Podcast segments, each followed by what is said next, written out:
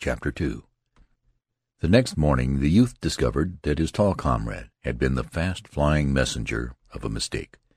There was much scoffing at the latter by those who had yesterday been firm adherents to his views, and there was even a little sneering by men who had never believed the rumor. The tall one fought with a man from Chatfield Corners and beat him severely. The youth felt, however, that his problem was in no wise lifted from him. There was, on the contrary, an irritating prolongation. The tale had created in him a great concern for himself. Now, with this new-born question in his mind, he was compelled to sink back into his old place as part of a blue demonstration. For days he made ceaseless calculations, but they were all wondrously unsatisfactory. He found that he could establish nothing. He finally concluded that the only way to prove himself was to go into the blaze and then figuratively to watch his legs, to discover their merits and faults. He reluctantly admitted that he could not sit still and with a mental slate and pencil derive an answer. To gain it he must have blaze, blood, and danger even as the chemist requires this, that, and the other. So he fretted for an opportunity. Meanwhile he continually tried to measure himself by his comrades. The tall soldier, for one, gave him some assurance. The man's serene unconcern dealt him a measure of confidence, for he had known him since childhood, and from his intimate knowledge he did not see how he could be capable of anything that was beyond him, the youth. Still he thought that his comrade might be mistaken about himself, or, on the other hand, he might be a man heretofore doomed to peace and obscurity, but in reality made to shine in war. The youth would have liked to have discovered another who suspected himself. A sympathetic comparison of mental notes would have been a joy to him. He occasionally tried to fathom a comrade with seductive sentences. He looked about to find men in the proper mood. All attempts failed to bring forth any statement which looked in any way like a confession to those doubts which he privately acknowledged in himself. He was afraid to make an open declaration of his concern, because he dreaded to place some unscrupulous confidant upon the high plane of the unconfessed from which elevation he could be derided. In regard to his companions, his mind wavered between two opinions, according to his mood. Sometimes he inclined to believing them all heroes. In fact, he usually admitted in secret the superior development of the higher qualities in others. He could conceive of men going very insignificantly about the world, bearing a load of courage unseen, and although he had known many of his comrades through boyhood, he began to fear that his judgment of them had been blind. Then, in other moments, he flouted those theories, and assured himself that his fellows were all privately wondering and quaking. His emotions made him feel strange in the presence of men who talked excitedly of a prospective battle as of a drama they were about to witness, with nothing but eagerness and curiosity apparent in their faces. It was often that he suspected them to be liars. He did not pass such thoughts without severe condemnation of himself. He dinned reproaches at times. He was convicted by himself of many shameful crimes against the gods of traditions. In his great anxiety his heart was continually clamoring at what he considered the intolerable slowness of the generals. They seemed content to perch tranquilly on the river bank and leave him bowed down by the weight of a great problem. He wanted it settled forthwith. He could not long bear such a load, he said. Sometimes his anger at the commanders reached an acute stage, and he grumbled about the camp like a veteran. One morning, however, he found himself in the ranks of his prepared regiment. The men were whispering speculations and recounting the old rumors. In the gloom before the break of the day their uniforms glowed a deep purple hue. From across the river the red eyes were still peering. In the eastern sky there was a yellow patch, like a rug laid for the feet of the coming sun. And against it, black and pattern-like, loomed the gigantic figure of the colonel on a gigantic horse. From off in the darkness came the trampling of feet. The youth could occasionally see dark shadows that moved like monsters. The regiment stood at rest for what seemed a long time. The youth grew impatient. It was unendurable the way these affairs were managed. He wondered how long they were going to be kept waiting. As he looked all about him and pondered upon the mystic gloom, he began to believe that at any moment the ominous distance might be aflare, and the rolling crashes of an engagement come to his ears. Staring once at the red eyes across the river, he conceived them to be growing larger, as the orbs of a row of dragons advancing. He turned toward the colonel and saw him lift his gigantic arm and calmly stroke his mustache. At last he heard from the foot of the road along the hill the clatter of a horse's galloping hoofs. It must be the coming of orders. He bent forward, scarce breathing. The exciting clickety-clack, as it grew louder and louder, seemed to be beating upon his soul. Presently a horseman with jangling equipment drew rein before the colonel of the regiment. The two held a short, sharp-worded conversation. The men in the foremost ranks craned their necks. As the horseman wheeled his animal and galloped away, he turned to shout over his shoulder, "Don't forget that box of cigars." The colonel mumbled in reply. The youth wondered what a box of cigars had to do with war. A moment later the regiment went swinging off into the darkness. It was now like one of those moving monsters, wending with many feet. The air was heavy and cold with dew. A mass of wet grass, marched upon, rustled like silk. There was an occasional flash and glimmer of steel from the backs of all those huge, crawling reptiles. From the road came creakings and grumblings as some surly guns were dragged away.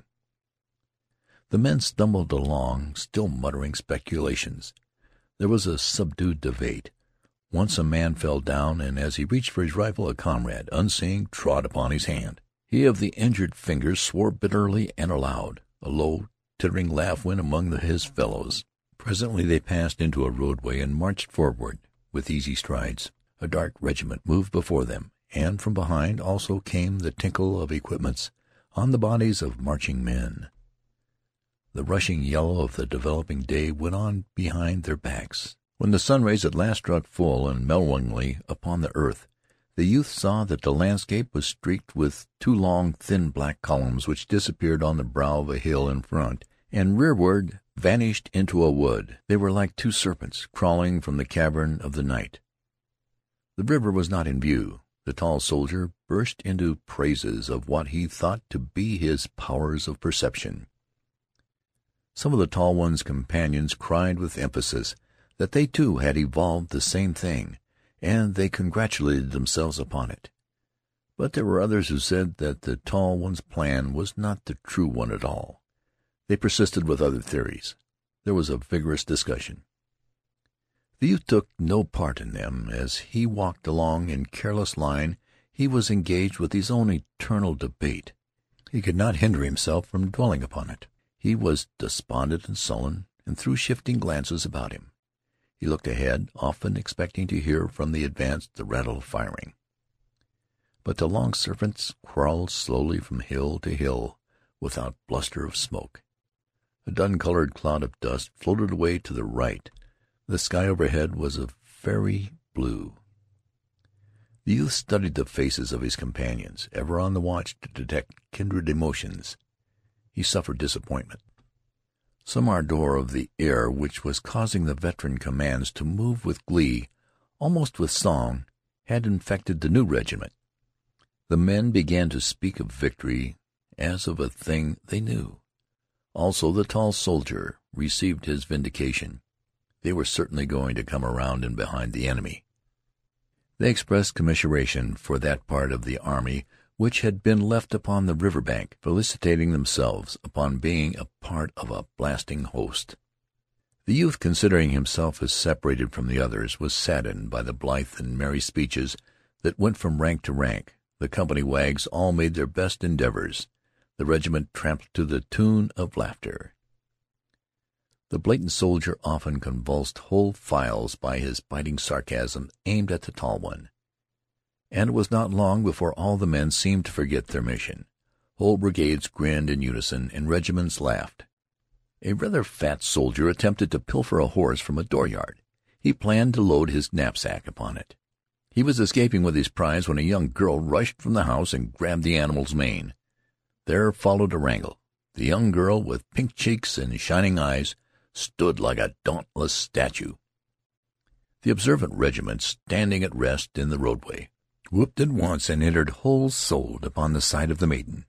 The men became so engrossed with this affair that they entirely ceased to remember their own large war. They jeered the piratical private, and called attention to various defects in his personal appearance and they were wildly enthusiastic in support of the young girl. To her, from some distance, came bold advice. "Hit him with a stick." There were crows and catcalls showered upon him when he retreated without the horse.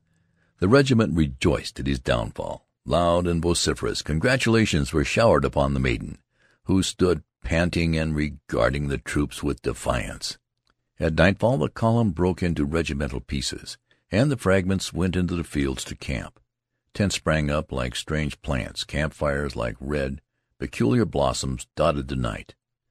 The youth kept from intercourse with his companions as much as circumstances would allow him. In the evening he wandered a few paces into the gloom. From this little distance the many fires, with the black forms of men passing to and fro before the crimson rays, made weird and satanic effects. He lay down in the grass, the blades pressed tenderly against his cheeks. The moon had been lighted and was hung in the tree top. The liquid stillness of the night enveloping him made him feel a vast pity for himself. There was a caress in the soft winds, and the whole mood of the darkness, he thought, was one of sympathy for himself in his distress. He wished without reserve that he was at home again, making the endless rounds from the house to the barn, from the barn to the fields, from the fields to the barn, from the barn to the house. He remembered he had often cursed the brindle cow and her mates, and had sometimes flung milking stools, but from his present point of view there was a halo of happiness about each of their heads, and he would have sacrificed all the brass buttons on the continent to have been enabled to return to them. He told himself that he was not formed for a soldier and he mused seriously upon the radical differences between himself and those men who were dodging imp-like around the fires. As he mused thus, he heard the rustle of grass, and upon turning his head discovered the loud soldier. He called out, "Oh, Wilson!" The latter approached and looked down. "Why, hello, Henry! It is you! What are you doing here?" "Oh, thinking," said the youth. The other sat down and carefully lighted his pipe. "You're getting blue, my boy. You're looking thundering peaked. What the dickens is wrong with you?" "Oh, nothing," said the youth. The loud soldier launched then into the subject of the anticipated fight. "Oh, we got him now."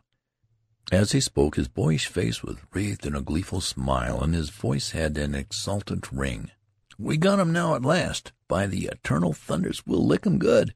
If the truth was known," he added more soberly. They've licked us about every clip up to now, but this time, this time we'll lick 'em good." "I thought you was objecting to this marching a little while ago," said the youth coldly. "Oh, that wasn't it," explained the other. "I don't mind marching, if there's going to be a fighting at the end of it. What I hate is this getting moved here and there, with no good coming of it as far as I can see, excepting sore feet and damned short rations. Well, Jim Conklin says we'll get a plenty of fighting this time. He's right for once, I guess, though I can't see how it come. This time we're in for a big battle, and we've got the best end of it, certain sure.